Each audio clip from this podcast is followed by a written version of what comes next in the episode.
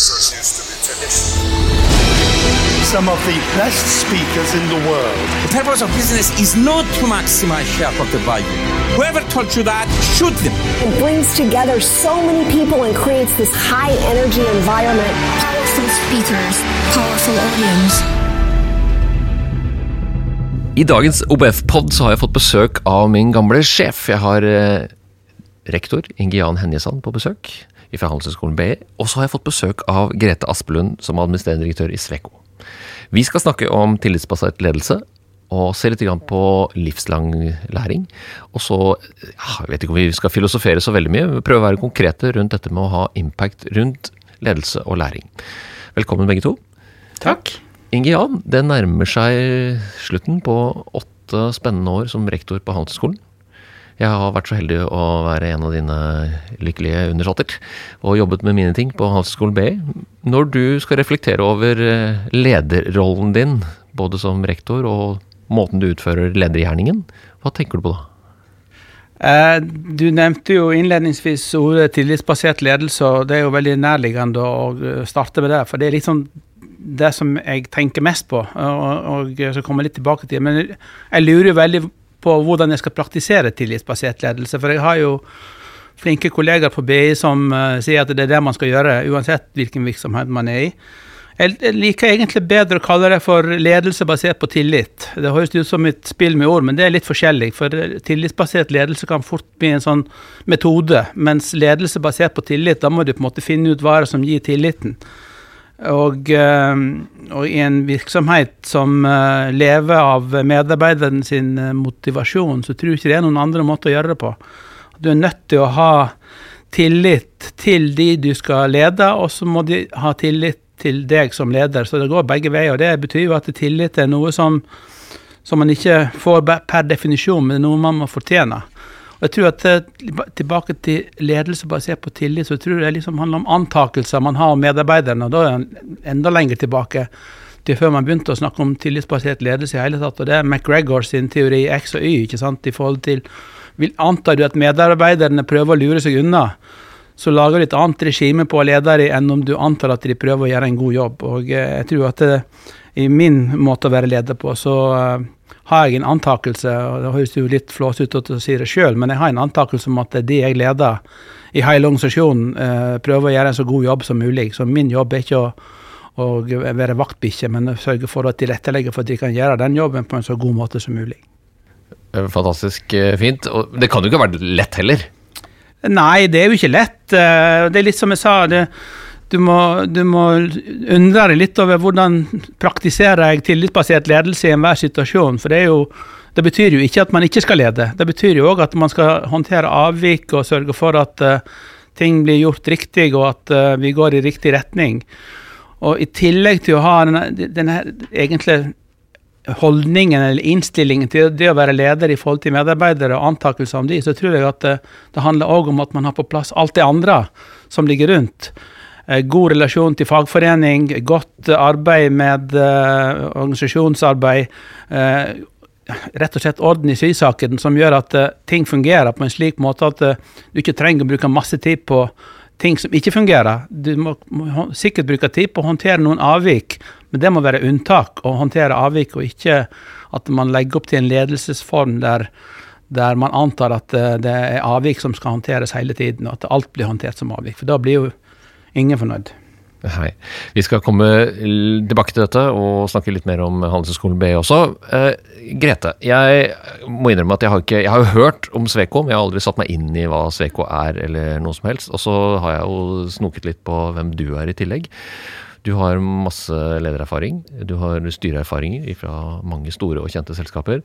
Kan du gi meg bare litt sånn kort, og lytteren også, kort liten forklaring om Sveko og Grete? Ja. Sveko det er Europas største rådgivende ingeniørselskap. Så vi er rett og slett eh, ingeniørkonsulenter. Og jobber for eh, kunder i offentlig og privat sektor med å designe alt fra energiløsninger til transport eh, og annen bygd infrastruktur som vi ser rundt oss. Og så er det over 17 000 ansatte fordelt på 70 land. Ja, det stemmer. Hvordan kom du borti denne bransjen, Grete? Nei, jeg har jo alltid jobba med veldig flinke fagfolk gjennom alle de jobbene som jeg har hatt. Og noe av det som jeg syns var tiltrekkende med Sveko, det er jo nettopp samfunnsrollen. Eh, I kombinasjon med alle de kompetansene ikke sant, som et sånt eh, konsulenthus eller rådgivningshus som vi har eh, hos oss. Det syns jeg er en veldig sånn spennende kombinasjon. Ja, for dere skriver på websiden deres at dere på godt norsk så 'Transforming Society Together' Mm. eh, og bygge en bærekraftig framtid med alle disse forskjellige fagfeltene som Yes. skal samordnes og samarbeide. Ja, og ikke minst sammen med alle kundene våre, ikke sant. Hvor vi spiller forskjellige roller i, eh, i samfunnet. Så, og i Transforming Society Together, som det heter, som er verdiforslaget vårt, der ligger det jo at vi vil være med på omforminga av samfunnet. Vi erkjenner også at det er en vei, altså det grønne skiftet, det er en transformasjon som skal skje. Og vi som rådgivere og konsulenter, vi ønsker å bruke vår eh, kunnskap og kompetanse sammen med våre kunder på den veien.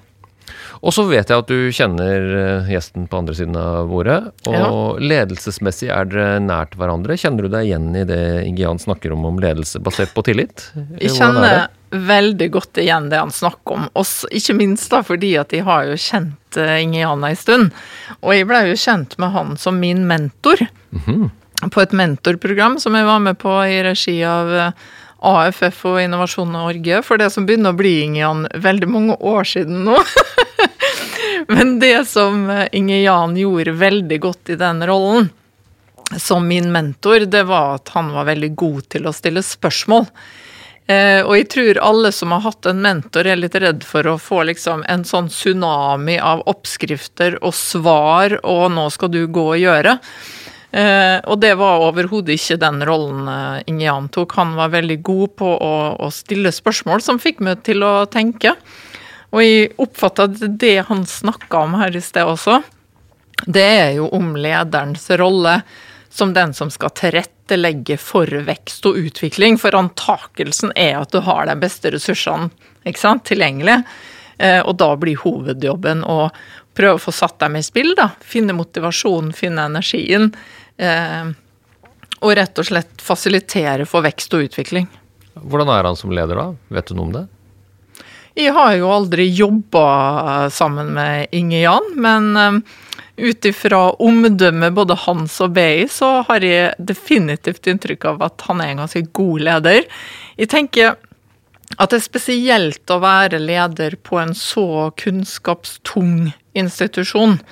Eh, og der er det også noen likheter faktisk med å være leder i Sveko. Og da tror jeg at man kommer ganske langt med ydmykhet overfor faget.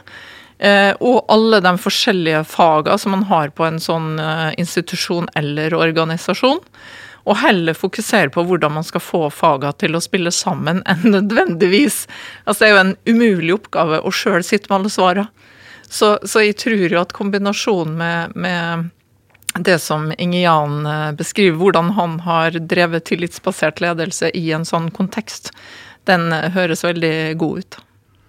Litt, jeg syns det er interessant det som Grete sier, både om Sveko og det andre. Og så, og så tenker jeg tilbake, for i 2003 til sånn ja, 3-4, 2002 til 2005 ca., så satt jeg i ledergruppa til Torgeir Reve på BU, så jeg har vært, eh, til og med vært konstituert rektor på BI en periode. Så, men det, det jeg gjorde da, det var at jeg gikk på Solstrand-programmet. Eh, og på Solstrand-programmet kan man jo si at man får får øvd seg på å møte seg sjøl.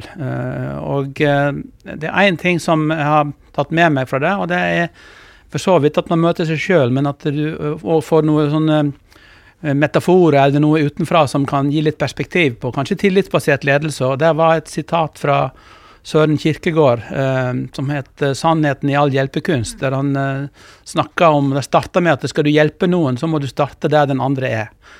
Og Hvis du overfører det til ledelse, så kan du si at skal du lede noen et sted, så må du òg starte der de andre er. For det er jo veldig lett å starte der du er sjøl, men de andre er jo ikke der. Så da kan du risikere å, å få masse motstand eller omkamper hvis du ikke lytter på, på, på, på der de andre er. Da. Så jeg tror at det er litt viktig i forhold til tillitsbasert ledelse, at man kanskje har, tar med seg at man har fått to ører og én munn, og at man bruker de to ørene før man i stor grad bruker munnen før man har brukt ørene.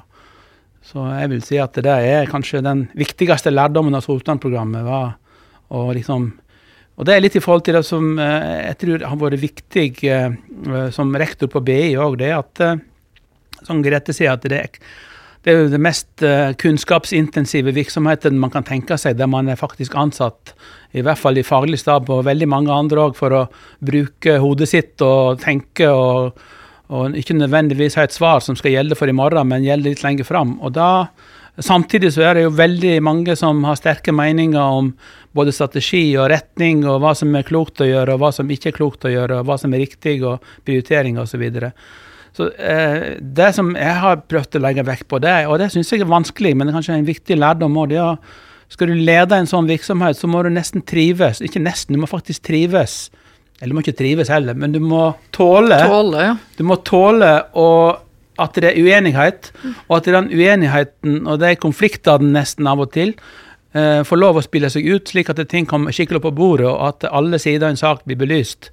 Eh, I den grad man har tid til det. Så er det selvfølgelig noe som er lett å skjære igjennom på, men skjærer du igjennom på vanskelige saker der det er uenighet, kanskje til og med i egen ledergruppe, om hva som er riktig valg, så eh, risikerer du å ta part hvis ikke du setter deg ordentlig inn i det og forstår det nesten bedre enn de andre.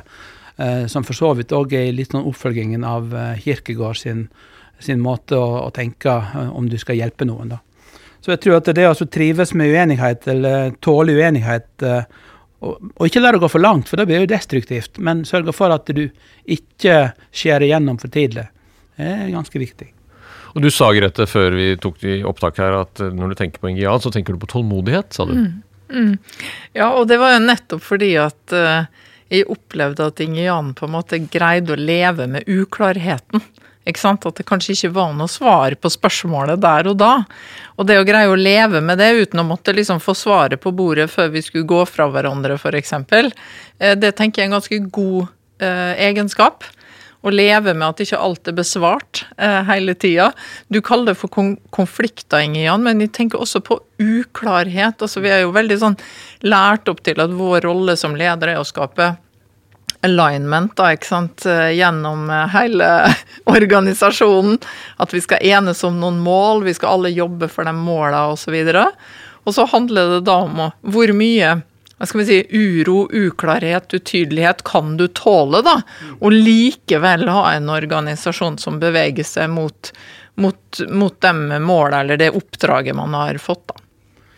Jeg merka jo veldig da pandemien kom, at eh, fokuset måtte skifte. Uh, fordi at uh, hvis, du kan ikke leve altfor lenge med sånn uh, uenighet og, og uklarhet når du skal fra, fra, fredag til mandag flytte all undervisning fra klasserom til digitalt. Da må du bare handle. Og så får du justere underveis. og det kanskje var den på en måte syretesten på om tillitsbasert ledelse fungerer, for noe annet fungerer ikke når du sitter i et uh, rom i en kjeller i, i, huset og leder 1000 ansatte nesten, uh, som skal levere undervisning og eksamen, og 20 000 studenter, da må du bare uh, Du må ikke være laid back, men du må i hvert fall stole på at de som gjør jobben, gjør den så godt de kan. Og at de, gjør, de kan det bedre enn deg, som sitter på toppen.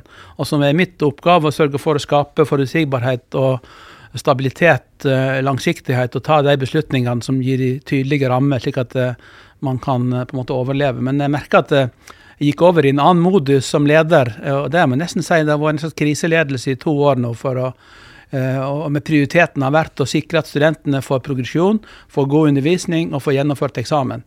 Og Mesteparten av det andre har vært, nesten vært litt tilsidesatt. Vi har gjennomført masse prosjekter og digitalisering og alt sånt. Men det har vi gjort uh, fordi vi hadde satt i gang før pandemien begynte. Mens uh, det å sikre uh, at vi kan levere på oppdraget vårt for studentene, har vært jobb nummer én. Og da gikk vi fra en slags Hva skal jeg si La oss prøve å finne ut av ting, til å si nå må vi bare finne ut av det, og så gjøre det. altså. Og så får vi heller justere. Så prioritering er jo også et stikkord, da, ikke sant? At når du har alle disse meningene og kompetansene og, og, alt det som bobler så må jo du nødt til å være helt tydelig på hva som er prioritet. Jeg aner, Grete, at du har litt kortere tålmodighet? Ja, jeg tror nok vi kan si det. Ja. Men det betyr ikke at de ikke beundrer. Inge Jans eh, tålmodighet. Fordi for meg så er jo det et, eh, et noe som jeg kanskje godt kan øve meg litt på. Da. Avreagerer du på noe vis? Eh, det er sikkert noen som vil si det, men eh, jeg, jeg, eh, jeg tror nok det har lært meg til å ha tålmodighet. Jeg tror at jeg vet hva som kreves i rollen. Altså, jeg er ikke en veldig stressa person ellers heller. Jeg, jeg har vært med på mange ting opp gjennom livet som gjør at jeg vet at til slutt så bruker det å gå bra, selv om at du av og til kanskje må ta en runde tilbake eller gjøre noe annet. Men, men jeg blir ikke så veldig stressa av uh, verken uenighet eller at ting tar litt lengre tid, eller du må gå en ekstra runde eller andre ting. Altså jeg, jeg eh, har veldig fokus på målet, og så kan jeg justere på eh, innholdet i aktiviteten for å nå målet underveis. da. Så ledelse basert på tillit ble det til, og jeg synes det var- en veldig fin liten eh, oppsummering. Tusen takk, begge to. Vi går over til et nytt tema, som vi alle tre er veldig opptatt av. Dette er litt sånn floskelinnledning til det, og skal vi gjøre det mer konkret. Livslang læring er stikkordet. Og vi har jo alle lest eh, og hørt eh, behovet fra næringslivet som roper ut om et eller annet kompetansegap som materialiserer seg i at sånn fire av fem bedrifter trenger mer kunnskap som de ikke de har, og at vi skal lære de ansatte, for det er billigere selvfølgelig, og reskille og upskille de vi allerede har ansatt. Og dette, dette jaget etter talent. Nå laget jeg tabloidoverskriftene for dere. Hvem vil begynne? Det må jo være universitetsprofessoren. her. Ikke nødvendigvis. Han kan få tenke seg etterspørselssiden. Eh, Ja, ja, men vi kan godt Hva gjøre det. dere, Grete? Sveko? Nei, altså, For det første så har jeg også lyst til å bare legge til på din eh, faktabasen der.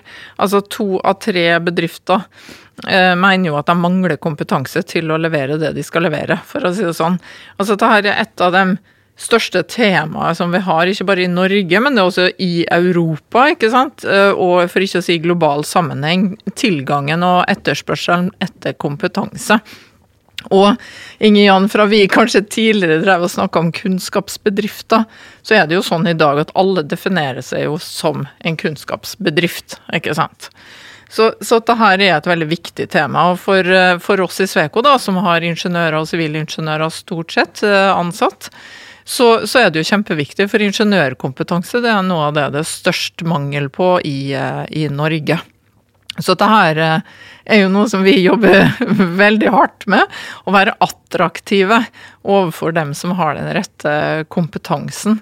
Det som jeg savner etter veldig mange år i, i den dialogen da med, med universitets- og høyskolesektoren, em, det er jo at vi finner flere løsninger. For problemet syns jeg er ganske godt definert. Altså det at vi for også å komme oss gjennom det grønne skiftet, så trenger vi å utvikle ny kompetanse. Vi trenger å omstille en del av den kompetansen vi har allerede. Men jeg oppfatter at vi trenger å komme over på diskusjonen av løsningene. Hvordan skal det skje? Og sånn som det der ser ut i mitt hode, så er det jo i hvert fall fire aktører, for å si det sånn. da. Det er jo vi som er bedrifter, og som virkelig kjenner på behovet. Og så er det jo dem som skal eh, undervise og lære opp og sørge for at vi har kvalitativt god og attraktiv kompetanse, UH-sektoren. Og så har vi jo også staten som har muligheter til å insentivere og tilrettelegge. Og så til slutt så har vi selvfølgelig individet sjøl. Og det er jo noe som vi ikke snakker så veldig mye om, for det er fort gjort å høres ut som sånn eh, streng, eh, streng, eh, streng kjerring. Men men det er klart at i dag, i dagens arbeidsmarked, så krever det også at vi er ganske på hugget sjøl når det gjelder å lære oss nye ting, og, og sikre at den kompetansen vi har, er, er relevant til enhver tid. Men jeg er litt sånn opptatt av at vi må komme over i hva er løsningene da, når vi har det aktørbildet som vi har, istedenfor at jeg ønsker ikke som bedriftsleder å være en som står og skyter på Inge Jan, fordi at ikke han utdanner de folka vi trenger. Vi må liksom gå sammen, og så må vi finne løsninger og, og tenke et livslangt perspektiv. For det er ikke sånn lenger at du er ferdig på skolen, og så, og så er det gjort. Du må regne med gjennom livet og, og stadig utvikle kompetansen din. Her er det mye å ta tak i, Gian. Du var jo litt innom det det forrige svaret ditt om det med pandemien også, som har tvunget UH-sektoren til å akselerere og fokusere på gjennomføring. Og ta i bruk ting som har hatt liggende i 20, 20 år. Ja. Altså, det er to ting som er interessant, det er sikkert mange ting som er interessant med pandemien, eller konsekvensene av at det kom inn pandemi. Det ene at vi hadde ikke forutsatt den. Så det å tro at man kan planlegge seg frem til hvilken kompetanse vi trenger i fremtiden, det tror jeg er en illusjon som man må legge fra seg så fort som mulig.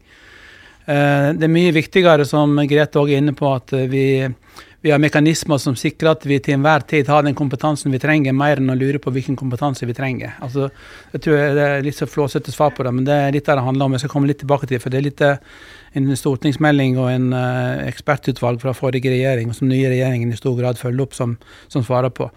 Så tror jeg at, uh, at det handler om også uh, Hva skal jeg si tenke på dette her som en aktivitet som ikke stopper. Det er det å tro at du kan Vi får hele tiden høre at vi skal utdanne relevante kandidater eh, til enten det er på bachelor eller master, men vi kommer aldri til å gjøre det i stor nok grad. Vi kommer til å utdanne kandidater som er klare til å ta tak i noe, og som må gjøres klar ytterligere og, og kunne prestere og levere i den jobben de blir satt til. Som de skal være i en periode, og så skal de sikkert skifte jobb og gjøre noe annet. Og så skal de fylle på med kompetanse. Så jeg tror at vi må Eh, i mye større grad eh, se på førstegangsutdannelsen, bacheloren eller masteren, som, som startstedet eller startpunktet. Og jeg ser jo På BI så har vi jo en tredjedel av våre studenter av de 20 000 vi har, er jo på det som kalles etterutdanning, eh, og som vi kaller executive. Men eh, det er jo en stor gruppe som eh, fyller på med kompetanse eh, gjennom hele livsløpet, og som kanskje til og med omskolerer seg for å Enten fordi de eh, ønsker å gjøre noe med karrieren sin, eller fordi de av andre årsaker sier at det er lurt å, å, å fylle på. da. Men hørte du det samme som meg? Grete setter jo fokus på noe som er litt smertefullt, og det er jo individets ja. ansvar oppi dette. Ja. Vi, vi, hører altså så mye om kunnskapsbehov og kompetansebehov. Men disse individene som skal tilegne seg den kunnskapen, da? Hva slags, hva slags, ansvar har de i dine øyne? Ja, De har et stort ansvar for å holde seg attraktive gjennom hele yrkeslivet, tenker jeg på. Og så er det jo det er jo lett å si, og så er det ikke alltid like lett å gjøre, for du er jo i ulike livssituasjoner.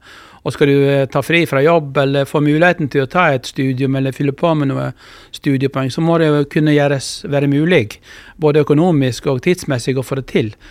Uh, og Det, det syns jeg er interessant med den uh, regjeringen som var forrige, som la fram en stortingsmelding og en om eh, livslang læring, der de har pekt på tre eh, områder som må jobbes med. En av det er stimulere etterspørselen.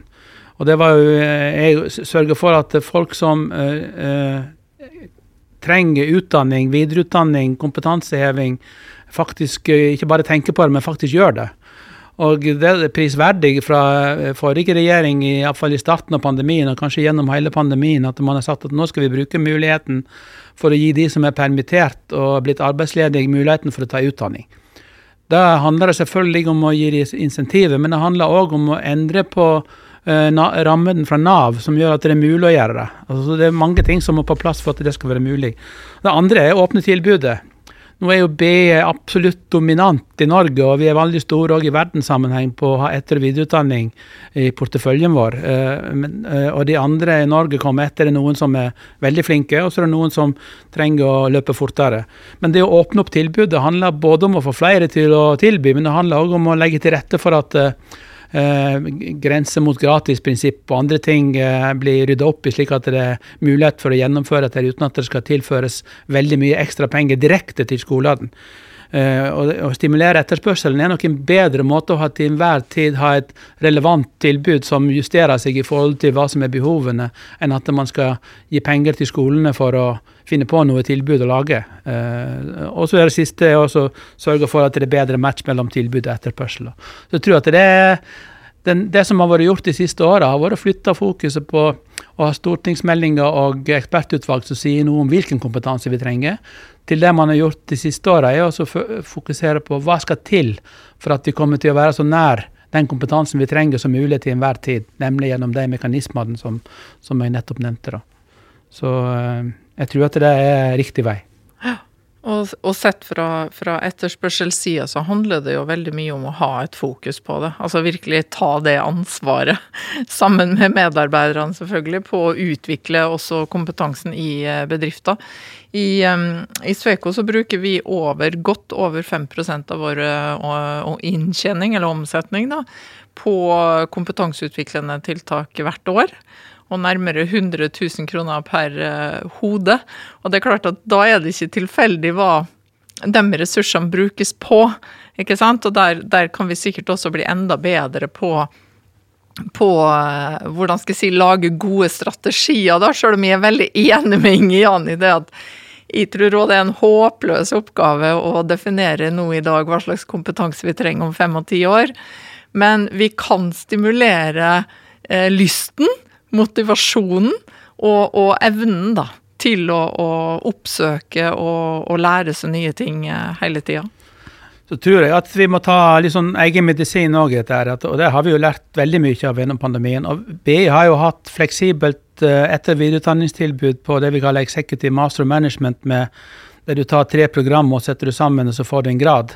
Det er jo relativt store moduler. Eh, det vi har gjort gjennom pandemien, er jo å bryte den inn i enda mindre moduler og lage det digitalt. Så Det er noe vi kaller short learning modules. Eh, som jeg egentlig bare forklarer hva det er, uten at det er et godt navn. Men, men eh, jeg tror at vi kommer til å se mer av mindre programmer der de som går på, spesielt på etter- og videreutdanning, at man setter sammen graden sin sjøl basert på de programmene man har tatt, og så får man det godkjent internasjonalt og for så vidt i Norge. Og hos oss så begynner vi å kalle det for stackables. At man setter sammen sin egen grad, eh, og at man gjør det når man er ferdig og ser hva, det har blitt. Og Da kan man jo eh, fylle på ganske lenge. Mm. Jeg vet ikke om du er oppdatert på det, men jeg driver og bygger en fagskole for Forsvaret og, og, og, Olympiatoppen, av alle ting. Det er kjempespennende. Og det er jo kø i døren hos NOKUT for å få godkjent uh, studiepoenggivende kortkursbaserte utdanningsløp. Så det er, jo en, det er jo på gang i underskogen der. Men nå har dere en lærer her, jeg, og jeg hører jo, det er jo helt, jeg er jo umulig å være uenig med dere, for dere sier jo veldig kloke ting om hva det er vi står overfor, og hvordan vi kan løse det. Men fra skoleverden kan jeg fortelle dere at vi definerer jo kunnskap i tre. Det ene som totalt dominerer bildet når man snakker om kunnskap, det er jo kjennskap. Altså Du vet at det fins, og du vet at du må lære noe programmering, og du mm. vet at du må liksom kunne noe om kunstig intelligens. Men nedenfor kjennskap så har du da gjøre dette i praksis. Altså bli det verktøyet. Og da må du jo koble det på et eller annet, du skal løse et problem, eller få noen til å snakke sammen, eller finne et eller annet som kan dokumenteres. Det tredje nivået er jo holdninger. Vi snakker veldig lite om holdninger. Vi ender opp med liksom å mene ja, men BI mener dette, og Universitetet i Oslo mener dette, eller denne interessenthaveren har en klar og tydelig formening om hva vi trenger eller ikke trenger. Hva er det som definerer holdning til liksom, de ansatte i dag, eller til morgendagens kunnskapsarbeider? Er det noen som vil prøve å svare på det? Jeg tror det er veldig viktig å ha tenkt grundig på det du sier nå. fordi at eh, hvis du tenker at uh, nå skal vi uh, innprente noen holdninger da tror jeg det er på feil. Da begynner vi å ligne på systemer og stater og land vi ikke liker å forholde oss til. Putin var inne på den Men det er fort å tenke at uh, nå må alle synes at bærekraft, eller nå må alle et eller annet. Og det kan man si. Men, men, jeg tror at det er mye viktigere å lære eh, elever og studenter opp til å forholde seg på en kritisk måte til all informasjonen som er der ute. Uh, enten du får den fra skolen, eller du får den gjennom sosiale medier, eller du får den fra nyheter, eller hvor som helst, altså det å på en måte lære ungdom opp til å være og, og det, var, det, var, nok viktig før, men det er mye viktigere i dag. For i dag er det en information overload, og du blir fort eh, på en måte forma inn i, eh, i, eh, tanker fordi du forholder deg til noen du stoler på, eller du forholder deg til uten at det nødvendigvis er det du gjøre. Da. Så det å ha at hvis skolen kan være et sted der du er en korreksjon mot uh, liksom denne her eh, en, enstenkingen, eh, så man passer på at ikke skolen blir det samme. Jeg tror det er veldig viktig å ha tenkt på akkurat det du sier, slik at man ikke trår feil. altså. Men kanskje kan arbeidsplassen også gjøre det? i Arbeids, grad. Ja. Det er jo 21st Century Skills, ble dette kalt. Kommer ja, det fra Navy Seals på 1980-tallet. Har aldri fått fotfeste i Norge, for vi har holdt oss oppe til der at vi kjenner til det. Vi har aldri, aldri implementert diskusjon på holdningsnivå. Før vi tvinges til å ta stilling til et eller annet ca. en gang hvert fjerde år, da vi går til valg holdningsdiskusjon. Har, har, de, har dere det på Sveiko? vanskelig spørsmål. Jeg syns det er et vanskelig spørsmål. Jeg tenker på lytterne nå her. Men eh, et eksempel er at eh, vi har jo hele tiden sånne små læringssnutter som vi får eh, digitalt for mm. å redusere IT-en og trusselen, ikke sant. Ja, Og, og, IKT-sikkerhet. og øke sikkerheten. Mm. Og det har jo blitt veldig aktuelt også i forbindelse med, med krigen i Ukraina nå. Og det siste vi har lagt til nå, er jo Dette er sånne små moduler som du får, ikke sant. Og det tar bare et minutt eller to å gjøre det. Mikrolæring kaller vi dette. Ja, ja. Ikke sant? Ja, ja. Og det, det siste vi har lagt til nå, det er egentlig en holdningsmodul. Og det er der at du må være kritisk til den informasjonen du kan få i feeden din. Um, at det skjer ting i verden som gjør at, eh, at vi alle kan være targets da, for feilinformasjon. Og, og det, jeg kanskje, det tror jeg kanskje kan være et eksempel på hvordan man kan jobbe med, med informasjonskritikk eh, og, og bevissthet da, om hva det er vi lytter til og ikke lytter til osv. Takk, det var veldig konkret. Eh, siste tema jeg har lyst til å snakke med dere om, handler om eh, det gode norske ordet impact. Altså hvordan vi jobber, og hvordan dere har jobbet og jobber fortsatt, med å få samfunnsperspektivet, altså det der samfunnsmandatet man har. Og ah, dette blir jo svært, Ingian, så det å snakke Hvis du skal konkretisere det ned til hvordan du tenker i forhold til ledelsen og hvordan BI jobber, hva er, hva er det første som eh, slår deg da? Det første så tror jeg man må eh, som jeg sagt, jobbe med det som er innlysende, og det å og sørge for at man forholder seg til omgivelsene på en litt systematisk måte. Og på BI så har vi jo alltid sagt at eh, vi er tett kobla på praksis og næringsliv, og at vi er liksom relevante osv., og, så og det er vi. Og så har jo BI forandra seg eh, gjennom 80 år. Vi ser ikke slik ut i dag, sammensetningen av fagstaben osv. Så, videre.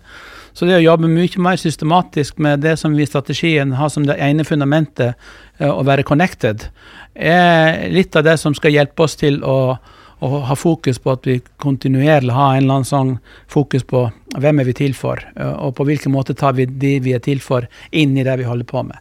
Og så har vi jo et, eh, et samfunnsoppdrag som gjør meg veldig stolt av å være rektor på BI. Det er jo en eh, 80 år lang historie med å ha forandra liv, rett og slett. Eh, Både for de som starter på et studie og som skal ut i et arbeidsliv og får seg en karriere og får seg en jobb og osv. Jeg møtte veldig mange av de som har vært med og vært alumni på BI lenge i, i, 19, nei, i 2018, da vi hadde jubileum. Så det var veldig interessant å høre hva de sa.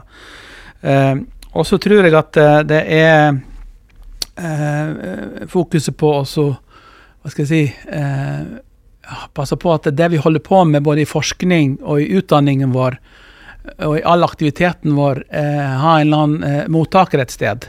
eh, Som eh, vi skal prøve å, og, få til å lytte på oss. Så, som jeg pleier å si at når vi er relevante i et fagmiljø, så er det den dagen de som jobber med det, det faget holder på med, står opp om morgenen og sier nå lurer jeg på hva de holder på med på BI i dag, som jeg trenger å vite for å gjøre en bedre jobb. Da har vi klart oss å ivareta det å være connected.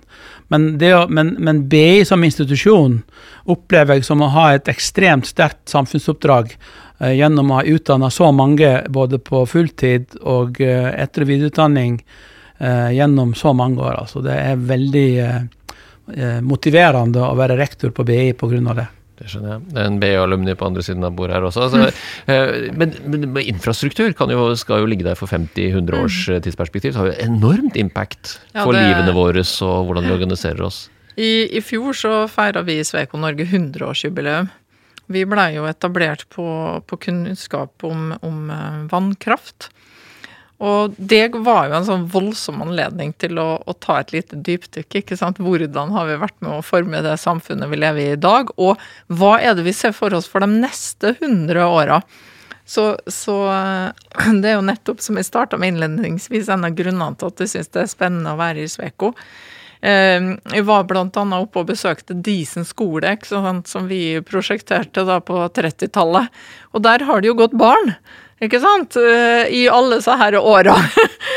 Og det, det er veldig spennende, men det handler også veldig mye om, om kundene våre, om samarbeidspartnerne våre, å være med på endringen i samfunnet. Sørge for at de ressursene vi vi eh, enten har eh, tilgjengelige eller kommer i nærheten av, at de blir brukt på best mulig måte.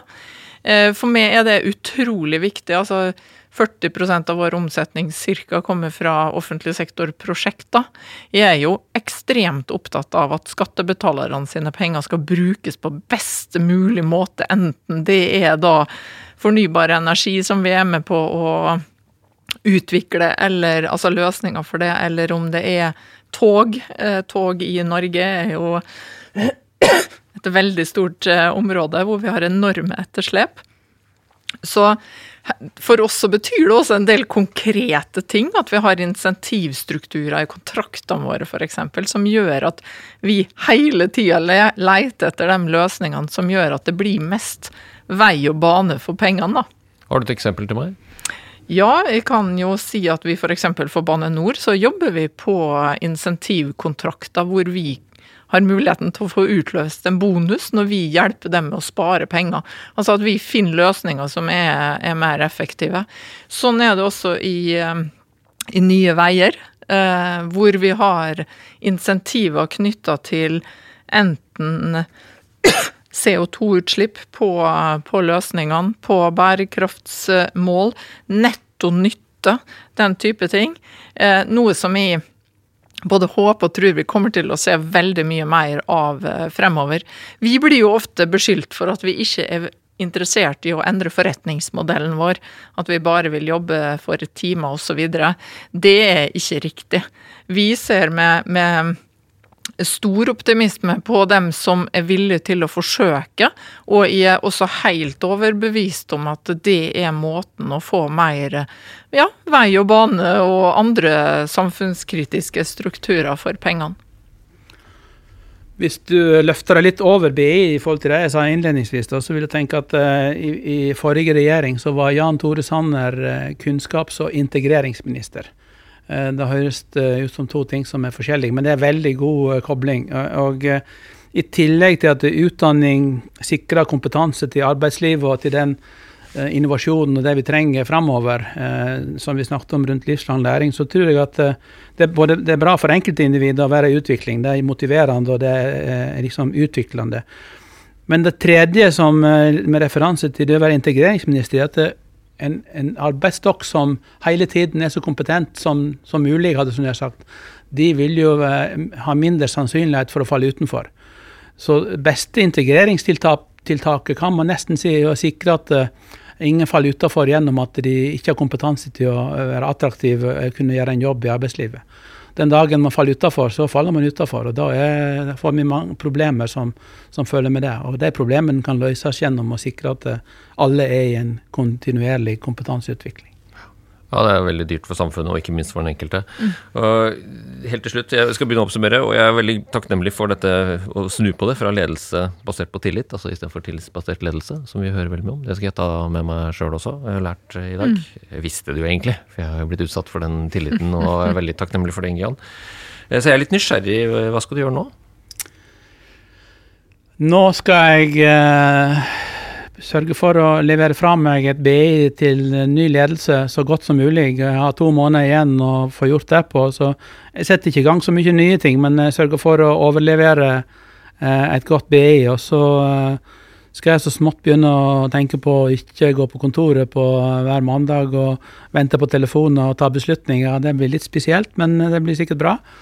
Og så har jeg oppnevnt noe sabbat, eh, så jeg skal bruke på å finne ut hva jeg skal gjøre når jeg blir stor. Og så kommer det noen tilbud som jeg eh, vurderer, og så ser jeg hva som skjer.